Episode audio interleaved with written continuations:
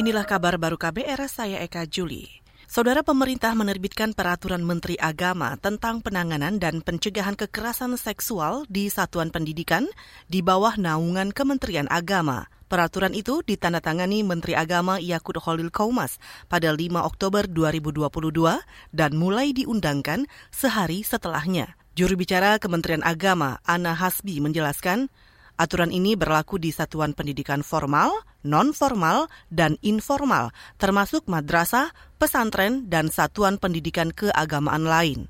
Aturan Menteri Agama ini juga memerintahkan satuan pendidikan menyosialisasikan, mengembangkan kurikulum dan pembelajaran, menyusun SOP pencegahan, serta mengembangkan jejaring komunikasi untuk mencegah kekerasan seksual. Peraturan ini juga mengatur sanksi bagi pelaku kekerasan seksual di satuan pendidikan di bawah Kementerian Agama.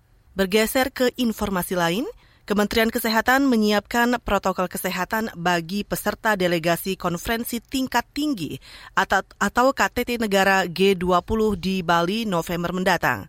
Direktur Surveillance dan Kekarantinaan Kesehatan Kementerian Kesehatan Ahmad Fahrani mengatakan, pelaksanaan protokol kesehatan G20 akan dibagi dalam empat kelompok waktu, yaitu saat keberangkatan, kedatangan, saat acara KTT, serta saat kepulangan.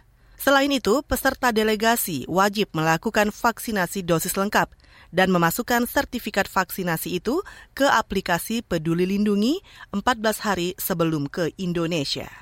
Jadi ini memang syarat uh, yang sudah disepakati secara internasional bahwa untuk pelaku perjalanan antar negara itu dipersyaratkan adanya uh, atau uh, setiap orang sudah melaksanakan vaksinasi COVID-19 dosis lengkap. Kemudian eh, kita meminta kepada setiap delegasi untuk melakukan registrasi peduli lindungi melalui aplikasi atau melalui website. Direktur Surveillance dan Kekarantinaan Kesehatan Kemenkes Ahmad Farhani juga menambahkan, peserta delegasi juga akan menjalani tes usap PCR sebelum pembukaan acara G20.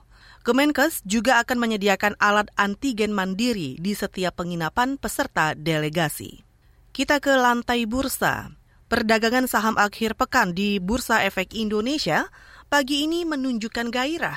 Indeks harga saham gabungan atau IHSG dibuka menguat 50 poin atau 0,7 persen ke posisi 6.931. Penguatan juga terjadi di kelompok 45 saham unggulan atau indeks LQ45 yang naik 9 poin ke posisi 988.